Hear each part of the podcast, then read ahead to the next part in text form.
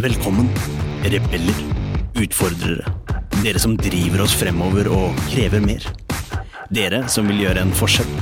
Skape magiske arbeidsplasser med lykkelige mennesker som skaper produkter som kunden deres elsker. Men 75% av nordmenn føler lite eller ingen engasjement i jobben sin. 94% av ledere sier jo at smidighet og samarbeid er kritiske faktorer for at deres organisasjon skal lykkes men kun 6% av dem mener selv at de er smidige. Dette er podden som vil inspirere, gi deg konkrete tips og verktøy som vil hjelpe deg med å skape endringsdyktige organisasjoner med høyt engasjerte og motiverte ansatte som lager uslåelige produkter. Med Smidigcoachen, kurs- og foredragsholderen Ida Kjær ved sin side har hun kurs- og foredragsholderen, smidigtransformatøren og topplederen Tobias Falkberger. Sammen har de over 20 års erfaring med å jobbe i og lede smidige team og organisasjoner. Nå kjører vi! Hei, og velkommen til en ny episode av Smidigpodden. I denne episoden har vi besøk av Kjell Lundne, som er agile coach i Nav. Temaet for denne episoden er noe som dere lytterne våre synes er veldig spennende. I hvert fall hvis man skal se på lyttertallene våre. Og det er nemlig målstyring. Og det er det denne episoden handler om. Nærmere bestemt målstyring hos Nav. Så jeg skal ikke snakke så mye mer om det, men det skal Kjell. Hei og velkommen til oss, Kjell. Utrolig hyggelig å ha deg her i Smidigpodden. Tusen takk. Det er eh, hyggelig også fra mitt ståsted. Jeg har jo ventet på dette en stund, så nå er jeg klar. Du har ventet lenge. Vi har eh, ja, vært på tur og alt mulig rart. Men, Solgt en leilighet og flyttet og sånne ting. Så det har vært, ja, vi har planlagt og pratet lenge, så det er deilig at endelig er vi her. Yes, veldig deilig. Men um, har du lyst til å begynne å fortelle litt om deg selv, Kjell, før vi hopper ned i temaet? Ja, gjerne det. Eh, skal jeg ta det kronologisk, eller skal vi begynne der nå? Det kan du bestemme selv. Du, du står helt fritt. Du får okay. liksom velge hvordan du ønsker å eh, si, representere deg, men presentere deg selv eh, ja. for Smidigpoddens lyttere. Ja. Eh, altså jeg har en lang og brokete bakgrunn. og Jeg har jobbet i programvareindustrien stort sett eh, siden jeg kom hjem fra USA etter å ha studert. Eh, begynte i det man i dag kaller en startup. Da. Det var en, en, eh, liten gjeng som skulle begynne å lage industriroboter. Og det var i tillegg eh, svært tverrfaglig og, og altså masse ulike retninger som jobbet sammen da, for å lage en industrirobot. Så det var min store kan du si, svennestykke når det gjaldt programmering. Det gikk jo konk, da, som det ofte går med sånne startups. Så da havnet jeg i oljebransjen etterpå. Og i nedstrøm, som de kaller det, altså fra oljelagrene ut til bensinstasjonene. Det var en automatiseringsbedrift der som eh, var i en stund, til jeg begynte i medisinsk eh, programvareindustri. Jeg lagde systemer for eh, stråleterapi og kreftbehandling, og det holdt jeg på med helt til jeg begynte i Nav i 2009. Det er en kort oppsummering. Har eh, fylt eh, masse ulike roller. Startet som utvikler, som sagt. og Litt fagansvarlig, og litt prosjektleder, og litt teamleder, og litt utviklingssjef og litt daglig leder helt på tampen også. Før jeg fant ut at det nå var nok, og nå vil jeg drive med fag igjen. Og da begynte jeg med det i Nav. Skulle være smidig ekspert, eh, ble det omsider etter seks-syv år, tror jeg. Da begynte jeg virkelig å ta om med smidig utvikling. Eh, jeg tror eh, Torbjørn Larsen, altså eh, IT-sjefen, er blitt nevnt her før. Vi har hatt ham på besøk òg. Ja, ikke sant. Mm, så han var jo den store guruen og dro i gang en revolusjon i Nav. Og den nyter vi godt av i dag. Så det er jo en stor organisasjon, og, og det er et svært tankskip som skal endres. Og vi er fortsatt i en endringsprosess, og kommer sikkert til å være det lenge. Hvor mange er det som jobber i Nav? Ja, 19 000, er det ikke det? Siste tallet, det er vel det man sier nå i hvert fall, med stort og smått. Og store mengdene sitter jo på Nav-kontoret ute i rundt omkring i landet og betjener våre kunder, for å si det sånn. Og så er det en gjeng i, i Arbeids- og velferdsdirektoratet da, her i Oslo som sitter og jobber bl.a. med IT-utvikling. Hvor stor er den IT-utviklingsdelen, vet du det? Eh, altså det, det, er litt vanskelig å svare på, men i IT-avdelingen så er vi ca. 800 stykker.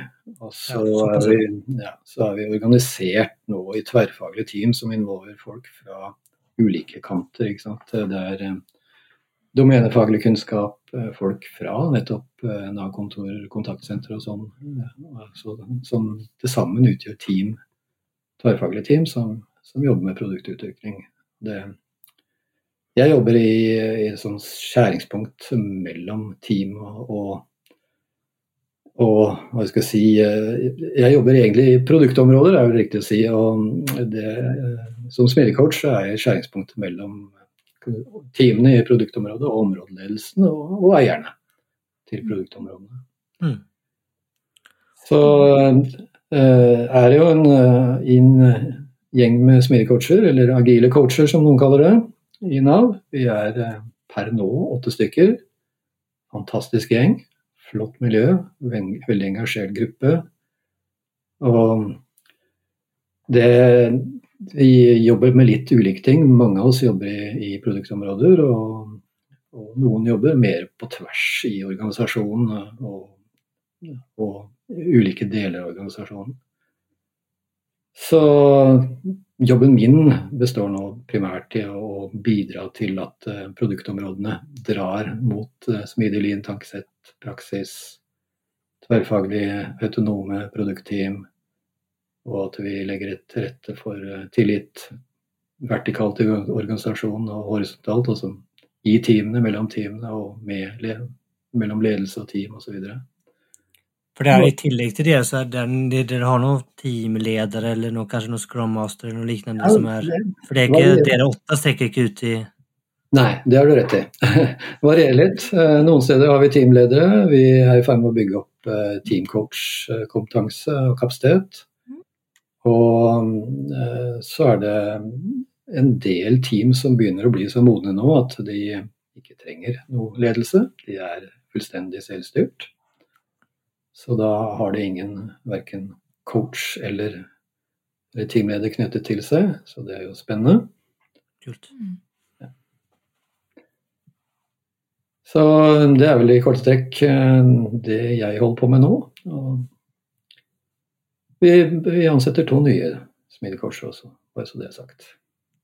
Det var lov å gjøre reklame for. Ja, det var lov å gjøre litt reklame for.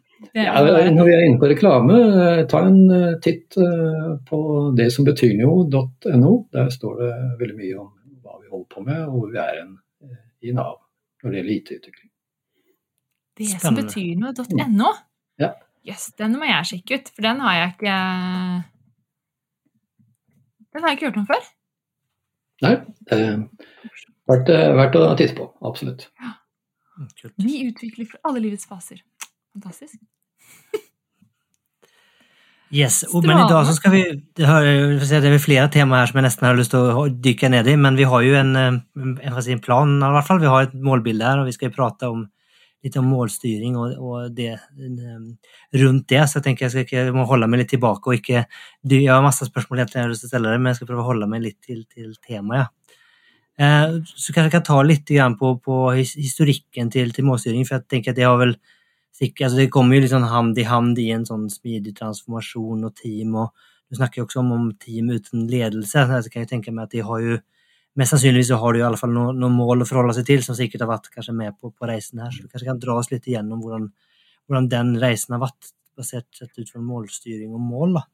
Ja, Nav eh, gjorde mesteparten av sin digitale produktutvikling i prosjekter inntil eh, for ikke altfor lenge siden, 2019-2020, da ble det tatt en beslutning om at vi skulle gå over til en målstyringsmodell. Eh, noe vi kaller virksomhetsstyringsmodellen internt. Eh, så eh, fra å gå fra å levere på features, aktiviteter, så har vi gått Eller vi er i ferd med å gå til å levere på mål. Dette er jo en kompleks og, og omstendig prosess å komme gjennom og, og komme over til. Men Vi har jo vi har en økonomi- og styringsavdeling som, som tok et modig grep og besluttet å gå fra prosjektstyring til målstyring. Så det skal de ha kudos for. Vi er jo, vi er jo en tradisjonell offentlig virksomhet som har en del ytre krav til seg også. Så bl.a. økonomistyring og sånt som gjør at dette ikke er trivielt å få til. Eh, så den beslutningen ble jo tatt sommeren eller våren 2020. Eh, så da dro vel eh, vi i gang med noen forsøk. I det produktområdet jeg satt i da, så begynte vi å eksperimentere litt med målstyring allerede vinteren 1920. Så fordi vi syntes det var spennende, og målstyring var det vi visste det kom. Eh, men det det viser at det var ganske, ganske heftig og ganske komplisert arbeid vi måtte gjennomføre for å forstå hva det dreier seg om. og bygge et hierarki av mål, f.eks. Mm. Vi har basert oss på en modell som, eh, som er beskrevet i en bok som heter Edge. Og så har vi også OKR-er som noen holder på med i Nav. Så det, det, det er litt ulike tilnærminger til målstyring. Mm. Ja, det, det, var, det, var, veldig spennende. Det må nesten si litt mer om, for dere opererer egentlig med to, eller kanskje opp til, til med flere hva skal jeg si, rammeverk da, eller strukturer i, i parallell, og at det er liksom basert det Teamet velger de fritt, eller hvordan fungerer det? Kan jeg komme med ett spørsmål først, Tobias? Okay. Jeg tenker bare, OKR har vi snakket mye om i poden. Men um, Edge-rammeverket det har vi ikke snakket så mye om. Kan du først si litt kort om hva det er for noe, sånn at lytterne liksom henger med på resonnementet? Altså det, det, er det, er egentlig målhierarki, eh, det også, eh, som OKR er. Bare at det er spesialisert mot IT-utvikling, og så legger det til rette for eh, eh, Eller det forutsetter faktisk autonome team som jobber smidig og produktorientert. Mm. Så den kan kalle det en spesialisering av OKR. Eh, det er andre forskjeller òg. OKR eh, jobb, eller har jo sånne stretch goals knyttet til seg, f.eks. Eh, vi har ikke det her. Jeg vet ikke om hvor mange som bruker stretch goals i, i IT-miljøene i Norge heller, men det er én forskjell. Jeg føler kanskje at det er litt mer sånn amerikansk. Vi er vel kanskje litt mer sånn nedpå litt Og vi er, ja, vi er mm. ikke så vant til de stretch goalsene. Så det er vel men det handler hele tiden om å, å definere mål og, og, suksessmålinger som definerer måloppnåelse. Og så har man eh, lagt til rette for en eh, hypotesdrevet utviklingsmodell så med rask feedback eh, og en styringsmekanisme som, som, håndterer og tar beslutninger basert på den feedbacken som skjer i dette hierarkiet. Så I Nav så bruker vi vel tre nivåer på dette innenfor et produktområde. Vi har eh, noe vi kaller operative mål, så har vi noe vi kaller veddemål eller hypoteser. Så har vi noe som heter initiativer, som der hvor det virkelige arbeidet foregår. Det er, det er i teamene. Så teamene eier hypotesen, nei, unnskyld, initiativene. Og så, så er dette eh, veddemålslaget et sånt mellomlag for å oversette de operative målene. Um, ja, hvem er det som setter disse målene her? For, for du sier team. For det, dere har også, Teamene deres er også produktområdet, det er en gruppe av team, er det riktig å forstå? Ja, det er uh, typisk uh, så er det mellom uh, Altså et produktområde er ca. typisk 50 til 100 mennesker. Så det er små bedrifter i seg selv. Mm. Det er gjerne en, et, en sånn ledelsesstøtteteam i området, og så er det et antall team og dette lederstøtteteamet er jo til for å hjelpe teamene og legge til rette for teamene. Over der så har vi en eier, eiergruppe, eller et eiermøte som vi kaller det, som representerer eiere. Da, som, som, som, egentlig eh, gir den eh, forretningsmessige retningen til området. Peker retning, det er det som er hensikten gjennom disse målene. Og, og definere hva skal eh, produktområdet Eh, jobbe med. Hvilke mål skal de oppnå? Og så skal, skal området selv, med teamene, definere hvordan de gjør det. det er jo teamenes eh, autonomi. Det består av å løse de problemene eller de, de målene man eh, har på et høyt nivå. Det er sånn korte trekk-modellen. Ja. Mm. Du sa jo tidligere at dere har team som ikke hadde ledere, og da tenker jeg liksom, hvordan henger det sammen også med, med disse målene? Setter de sine egne mål, eller kommer de målene på noe vis hva skal jeg si, utenfra, ovenifra på noe vis? Ja, det er, det, er disse, det vi kaller operative mål, altså de, de, målene som er høyest i dette målhierarkiet. Og så har vi, De definerer retningen, og så skal teamene i fellesskap finne ut ok, hvilke hypoteser har vi for å nå disse målene. Og igjen under der, eller veddemålene som vi kaller det der, det er, det er et mål. Det er bare et annet ord for det. Altså et, et, et lag nedover i abstraksjonshierarkiet, for å kalle det det. Og så kommer en, Hvert veddemål vil da ha et antall initiativer knyttet til seg som er egne hypoteser som er eid. Et initiativ er eid av ett team. Så dette er et målhierarki som bygger på hverandre. Så det, De to nederste lagene er en oversettelse av de operative målene til, til noe konkret som skal bygges, rett og slett. Og og de produktene man bygger, de, de skal jo da til syvende og sist eh, bygge opp under eh, de operative målene og måloppnåelsen der. Unnskyld at jeg forstyrrer deg midt i denne superspennende episoden, men jeg må bare fortelle deg noe. Forresten, det er meg, Arvid, fra introen. Er du en som ønsker å utfordre, drive oss fremover og kreve mer? Gjøre en forskjell og skape magiske arbeidsplasser? Men du bare vet ikke helt hvordan. Da har jeg noe som kan hjelpe deg. Tobias og Ida har laget et kurs. Kurset gir deg forståelsen og den smidige tilnærmingen du trenger for å tenke nytt om de organisatoriske byggeklossene, strategi, mennesker, prosess, struktur og teknologi.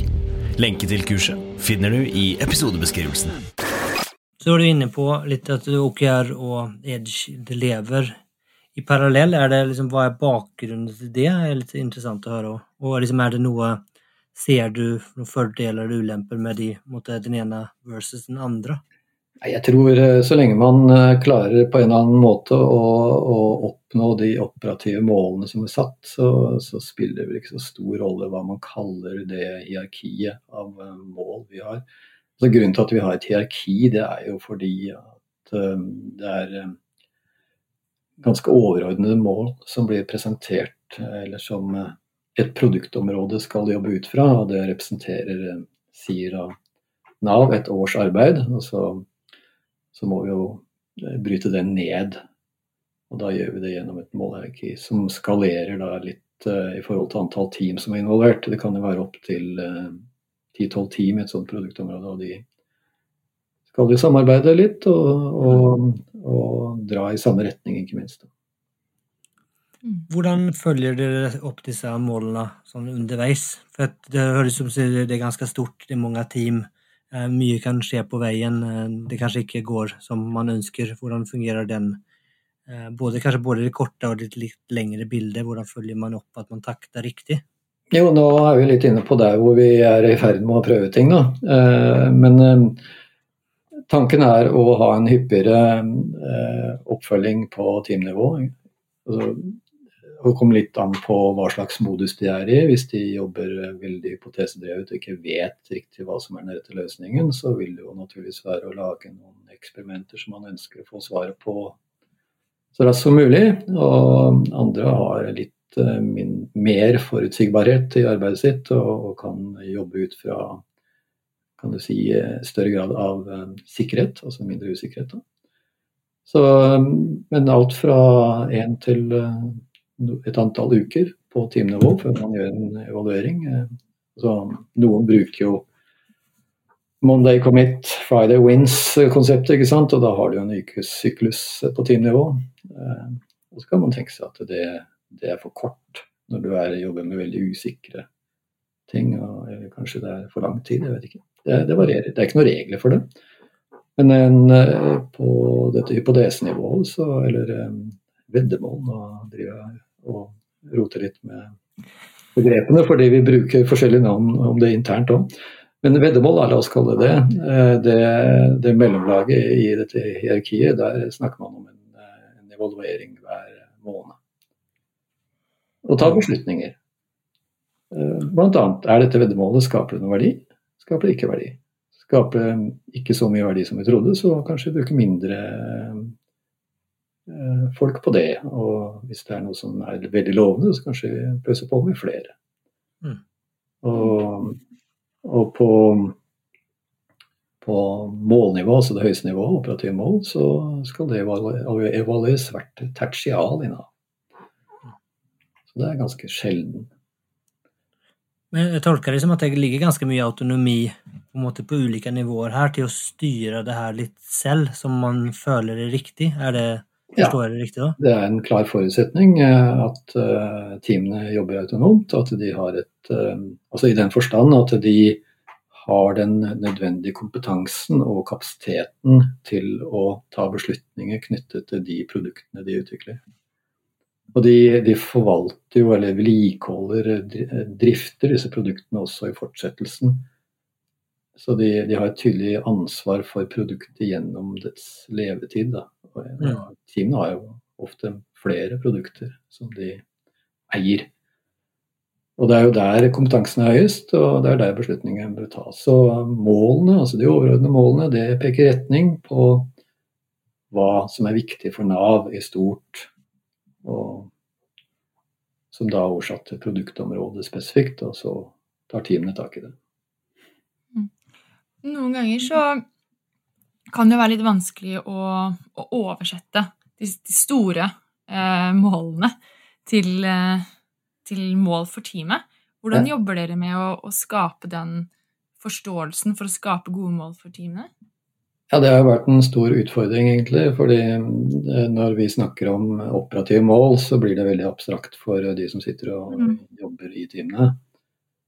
Eh, vi har jo eh, gode produkteiere som er med på det arbeidet. De har jo et strategisk ansvar for sine produkter og er med på å definere og oversette dette her og utforme disse veddemålene med tilhørende måleparametere og identifisere sammen med teamet initiativene som skal støtte opp under veddemålene. Og disse eh, suksessmålingene som vi opererer med på de ulike nivåene, de skal jo bygge opp under hverandre. De ikke De er jo ikke like på alle nivåene heller, så det er en, eh, det er en forståelse av ok, hvordan kan vi som team Eh, støtte opp under dette veddemålet. Hvordan kan dette veddemålet støtte opp under det operative målet? Så, mm. så, så ser vi effekten av det. Det er indirekte, alt sammen. Mm. Hvordan har den transformasjonen, for det er en ganske stor transformasjon, og altså både kanskje blir målt og har fokus på fra mer output til faktisk outcome, altså til effektoppnåelse, eh, fra kanskje mer features og sånne ting. Og det er min egen opplevelse, at det er, det er ganske vanskelig, og man er ganske trent i å kanskje mer måle seg selv og, og sin egen måte, suksess nesten på mer hva man har gjort, enn det man har klart å oppnå. Har, du liksom, har dere hatt noen utfordringer, har dere møtt noe ja, motstand eller rundt det?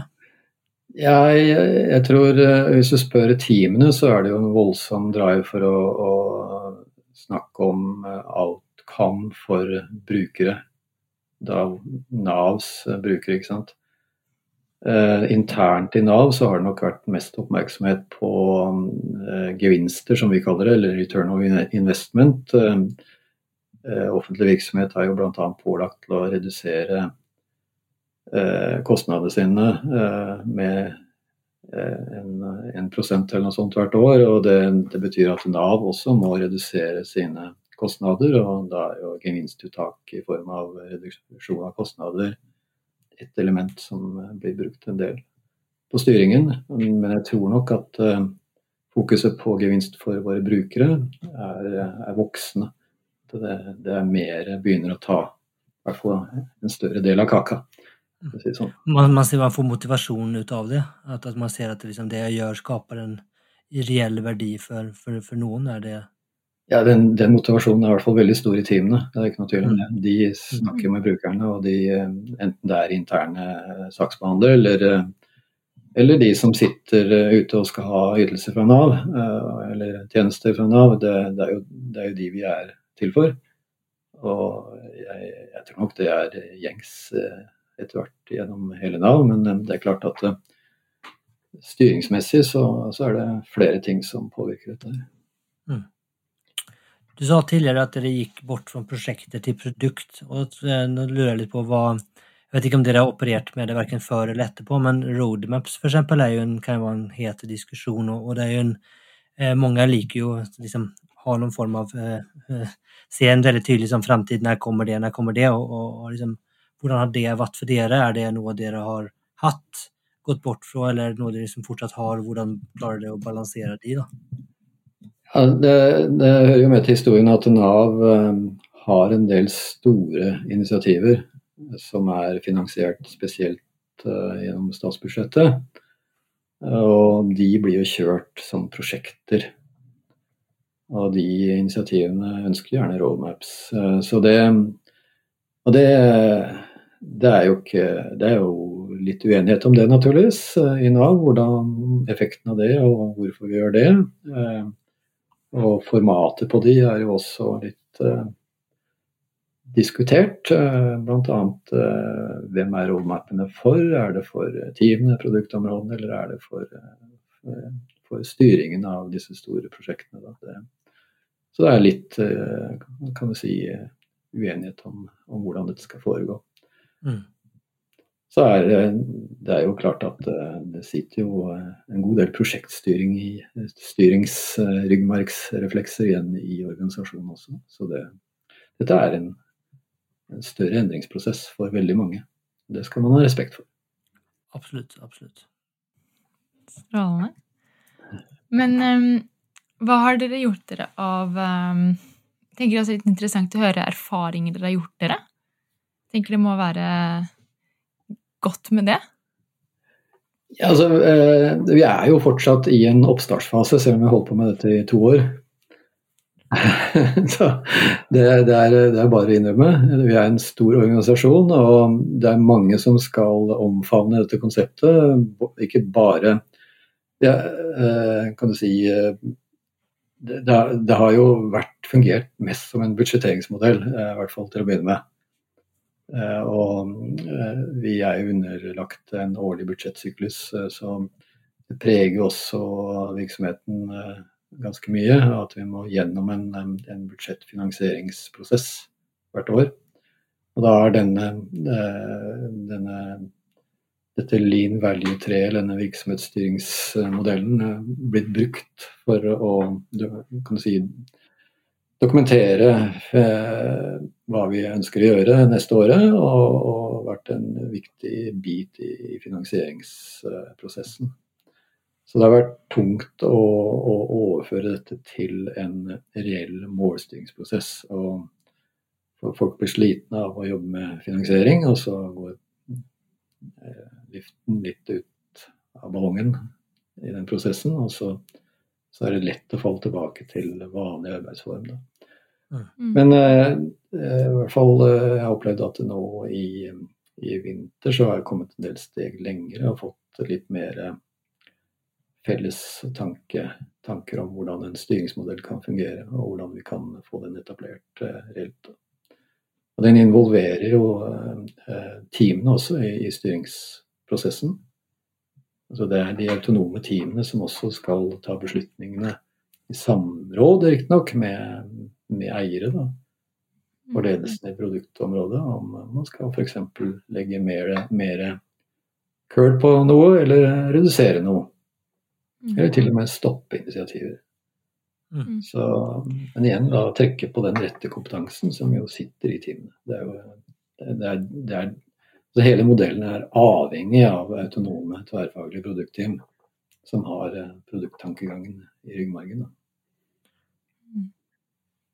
Hvis du hadde startet på det her på nytt, hva hadde du tatt med hva du, er det noe du hadde gjort annerledes for å liksom, liksom nå sitter igjen med det her det skulle jeg ikke gjort, eller det skulle vi ha gjort fra starten. Liksom, liksom, litt sånn anbefaling til andre også, som kanskje sitter og lurer på om de ønsker å gå denne veien. Har du noen tips på hva de skal gjøre og kanskje ikke gjøre? Ja, nå jobber vi i stor skala, og det er kanskje en av de eh, utfordringene vi har. At vi skal få dette til å fungere i en veldig stor organisasjon. Og, det, og all sånn endringsstyring eh, sier jo at lag en suksess i en stor organisasjon, så følger andre etter. Og det, det hadde vel nok vært lurt å prøve å lage en, en suksess. Og, mm. og fått og vist fram dette fungerer som bare det, istedenfor å prøve det på bred basis, som vi jo i praksis gjør da. Det er i hvert fall én ting. Mm, det var en god, god refleksjon. Ja. ja. og, så, og, så, er det jeg, jeg, vet ikke, det, jeg tror man må akseptere at det er en lang prosess i en så stor organisasjon med så ulike bakgrunner og så mange forskjellige tankesett. Så jeg merker jo at det er veldig mange som begynner å si de samme ordene, i hvert fall. Bruker samme terminologi. Og eh, de aller fleste på alle nivåer snakker om eh, smidig produktutvikling. Og så, så, er det litt forskjellig forståelse av hva det betyr, naturligvis, men vi er på rett vei. Det er jeg ganske overbevist om. Når det er i mindre skala, så tror jeg nok det er enklere å få det til. da. Det er ikke alle som har tusenvis av folk i utviklingsteam. Altså Vi snakker uh, bokstavelig talt om det, ikke sant. Mm. Mm. Jeg kan si for egen del, det er ikke kjempelett even om man er mindre heller. Det, det er ganske det er ganske det, er, det er liksom mindset-skift òg. Um, og det er lett å falle tilbake til, til, gamle vaner og ting som har fungert mm. godt før. Og, og, du må jo stå i en endring, så, så det, er, det er ikke, ikke, bare bare det.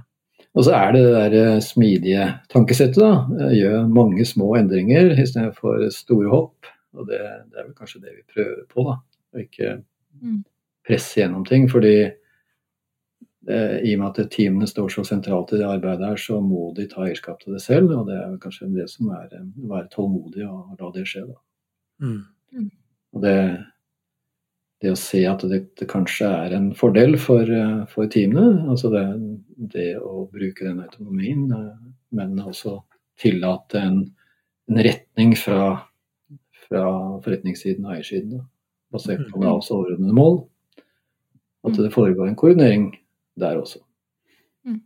Men eh, du nevnte også at um, en av de erfaringene du trakk på, var at man kanskje skulle ha testet det, fått en suksesshistorie først. Betyr det at dere eh, på en måte bestemte dere for at nei, nå skal alle gjøre dette? Det er sånn vi skal gjøre det? Eller startet dere i mindre eh, skala og, og gjorde det? Det ble jo tatt en beslutning i eh, at mm. man gikk fra prosjekt til målstyring i 2020. Mm. Og, så det, det, indikerer jo at eh, da fikk vi egentlig beskjed om å begynne med mm. målstyring eh, ja, da.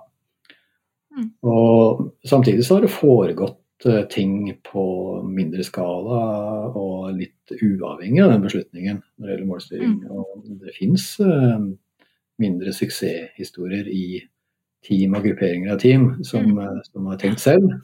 Mm. Og, og, koblet seg på dette på et vis da eh, etterpå. Så mm. det, er jo, altså, det er jo utrolig mye forskjellig som foregår i en så stor organisasjon, og, og mange, mange, initiativer som popper opp her og der, og det som er utrolig inspirerende og, og gøy. Mm.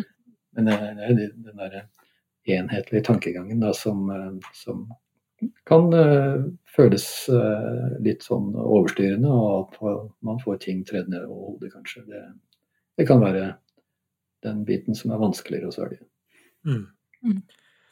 Du sa jo du sa det nå for så vidt at dere gjorde det her det ble besluttet i 2020, og det begynte å rulle ut der i våren 2020. Jeg tenker jo at det, det var andre ting som skjedde i verden våren 2020 òg, så at det er ganske um, Eh, hva skal jeg si, tøff timing, kanskje man ja, kan kalle det. Det var det. Eh, så det kunne kanskje interessant å høre litt mer om, for det er jo eh, Det må jo vært Jeg tror, tror at det var mange som følte litt på at den timing, eller timingen kanskje kan ha vært litt vond. da. Såpass stor endring og såpass mye involverte, og så kan man ikke engang være fysisk sammen. Det må jo ha vært ganske tøft. Ja, nei, I mars så ble jo Nav som mange andre satt i unntakstilstand. og Blant annet eh, så fikk jo vi eh, en rekke eh, bestillinger fra departement storting når det gjaldt å tilpasse seg til det som skjedde under korona. Mm. Så veldig mange team i Nav måtte kaste alt de hadde i hendene og snu seg ganske radikalt og gjorde et fantastisk jobb egentlig der. Og det var i hvert fall et bevis på at uh, smidig team er i stand til å snu seg på en femøring og, og gjøre noe annet. Og produsere resultater ganske raskt. Da. Selv om vi fikk litt pepper i, i media, så tror jeg vi kom veldig godt ut av den prosessen. Da. Det betød, jo også at uh, alt som hadde med målstyring ble lagt på is. Vi var i full gang i det området jeg var i, med å definere hvordan vi skulle gjøre det. Men uh, naturlig nok så ble alt, alle sånne ting kastet uh, til side. Og vi tok opp igjen tråden senhøstes 2020, kanskje. Mm. Så begynte vi egentlig fra scratch igjen, og så, og så har det vel gått sånn halvveis greit eh, fram til 2021, eh, sommeren 2021. Og da ble det skrudd opp et hakk, da. Fram mot nå. Mm. mm. Det, men det er klart, det, det, preger oss. Eh, selv om vi har kommet veldig godt ut av hjemmekontorsituasjonen også. Det, det var jo en del av denne IT-revolusjonen vår, at vi alle ble satt opp med laptops og kunne jobbe fra hvor som helst. Og det, det var en bra investering. i seg. Det kan du si. Jeg husker jeg tror du snakka og tenkte at det var, var ganske fint at, at, det skjedde i forkant av det her. Det har vært ganske tungt, tungt ellers. Det har det. Gud, jeg tror at vi har vært igjennom mye av det spørsmålet vi hadde. Er det noe du savner at vi skal snakke om, Ida, eller, eller du, Kjell? Er det noe vi har glemt å spørre om? Nei, altså det kunne sikkert vært snakket om i, i lange tider, dette her, men uh, vi har vært borti essensen i hvert fall. Så bra. Så bra. Så bra. Skal vi dra oss i gang Ida, med de siste fem spørsmålene? Yes, det kan vi gjøre. Det første er et uh, veldig interessant spørsmål, Kjell. Og det er hva ville du fortalt 20 år gamle deg selv? Meg selv, ja. Nei, det, det, blir den samme gamle som dere sikkert har hørt et antall ganger. Følg drømmene dine, ikke sant. og agere etter det. Og, og finn noe som engasjerer deg, og, og, gjerne noe du brenner for. Hvis du klarer å finne noe å jobbe profesjonelt med som du virkelig brenner for, så er man virkelig heldig. ikke sant? Og mm-hmm. Jeg er så heldig at jeg nå på mine eldre dager har kommet inn i et miljø som eh, brenner for tingene sine. og har vært veldig engasjerende, Så jeg er veldig fornøyd med den situasjonen jeg er i nå. Det mye annet jeg har gjort som har vært gøy også, så jeg har vel fulgt mye av drømmene mine allerede. Så Sånn sett så er det ikke så gærent. Så bra. Så bra. Hva tenker du kjennetegner en god leder? Ja, eh, det, det at den er eh, genuint interessert i, i folkene sine. Og er, er, eh, orientert mot å legge til rette for dem. Være støttende. Altså legge til rette både faglig og menneskelig, sånn som folk kan utvikle seg. Og jeg har eh, notert meg en coachende lederstil, eh, altså en coachende tilnærming til lederskap. Eh, jeg har, når jeg sier coachende, så jeg har vært så heldig at jeg kunne gå et, et coachingprogram det siste året, hvor, vi lærte noe som heter prestasjonscoaching med Grow. Og alle, alle aspektene med det. Og det legger opp til nettopp en, en coachende lederstil. Og, og, gå foran som et godt eksempel, naturligvis. Walk the talk, som det heter, er det ikke det? Mm. Mm. Det, er, det er, Jeg tror nok det er det man kaller moderne ledelse, er det ikke det? Mm. Vi skulle sagt det, jeg er veldig enig i det. Mm. Vi har jo snakket om smidig ledelse, men jeg syns kanskje mer Og noen snakker om digital ledelse. Mm. Jeg skulle kanskje kalle det for Enig med deg, jeg skulle kalle begrepet moderne ledelse. Mm. Men det, det, det, er Ja, det er det er mer enn bare det. Eh, enn bare digital og smidig. Det er ja. noe rett og slett moderne. Ja, den kan anvendes i alle mulige settinger, tror jeg. Ja, helt enig. Mm. Da har vi fastsatt det begrepet, da. Moderne ledelse. jeg tror jeg har hørt det før et sted. ja, det var her dere hørte det først. det var Kjell på Svineboden. Men eh, hva vil du gi som tips til de som ønsker å etablere en eh, mer endringsdyktig eller smidig kultur? Ja, vite hva du vil i hvert fall, ha et mål, og, og, og lære underveis. Eh, eksperimenter, feil, og lære av feilene dine. Eh, observere hva som skjer rundt deg. Og, og altså noen sier eh, fast fail, fast learn, eller noe sånt. Og det, det er vel veldig mange i Nav eh, snakker om, om, det konseptet, og feirer sine feil og, og de tingene der. og det det er det vi lærer av, det tror jeg alle forstår. Det er, eh, og det, Det er en annen ting det er av regelmessige retrospektiver, altså for å, å, sette det i et system. Da. Jeg ser de teamene som har ukentlige retroer, de, de utvikler seg raskere mm. enn de som gjør det en gang iblant. Og, veldig, veldig enig. Nå coacher jeg ikke jeg så mye team lenger, men når jeg gjør det, så er jeg oftest det det er noe jeg ønsker å innføre egentlig, og så er det å få med, få med teamet på det. At vi, mm. vi tar i hvert fall en, liten retro. Om ikke det er en retro, så har vi i hvert fall en uh, tid til å snakke sammen uh, hver uke. egentlig. Uh, og det pleier å gi ganske stor effekt ganske fort. Altså, det er noe, ja. Bare få den rutinen at liksom begynne å reflektere over, over ting, pleier å gi ganske, ganske mye effekt. altså. Og mange små endringer heller enn de store, mm. krevende. Ja, du får tatt ting før det blir store òg, mm. ikke minst. Ja. Mm. Mm. Og um, at teamene eier, eller de som gjør endringene, eier de endringene selv og gjennomfører det selv og, og finner de mm. selv. Det er eierskap. Helt enig. Er det noen bøker, lydbøter eller podkaster du ønsker å anbefale? Jeg, jeg, begynte å tenke tilbake på bøker som jeg har lest uh, gjennom siden. Og jeg har jo lest mange bra bøker, syns jeg, men jeg skal plukke ut noe, da. Så de, de siste de kom gjennom dette coachingkurset. Det er noe som heter Coaching for Performance. Uh, det er en som heter sir John Whitmore som har skrevet den. Anbefales for de som har lyst til å lære litt om coaching. Mm. Og så er det en jeg prøver å pløye meg gjennom nå, som heter 'Thinking Fast and Slow'. Eh, det er, eh, det er en klassiker, tror jeg. John Whitmore har skrevet den. Det handler om um, ulike tankesett. Da. Altså det, det, er den raske, intuitive og følelsesladede tenkingen som, som, skjer kanskje uten at man tenker seg om. Og så er det denne reflekterende, gjennomtenkte, logiske tenkingen som er litt tregere. Og hvordan de påvirker folk, og hvordan, kan, hvordan man kan bruke de. Det er, eh, den eh, ser bra ut. Jeg har ikke kommet meg gjennom, men jeg har begynt å lese den i hvert fall. Har ikke du den på lista òg, Ida? Jo, den står i bokhylla mi. Ja. så jeg har dessverre ikke fått startet å lese den nå. Jeg har så altfor mange bøker på lista mi. Men jeg tenker ja. akkurat nå at nå må jeg bare liksom starte på toppen og bare jobbe med dem. Og så er det en, en, annen bok da, som jeg leste i, på slutten av 90-tallet. Eh, den heter 'Peopleware'.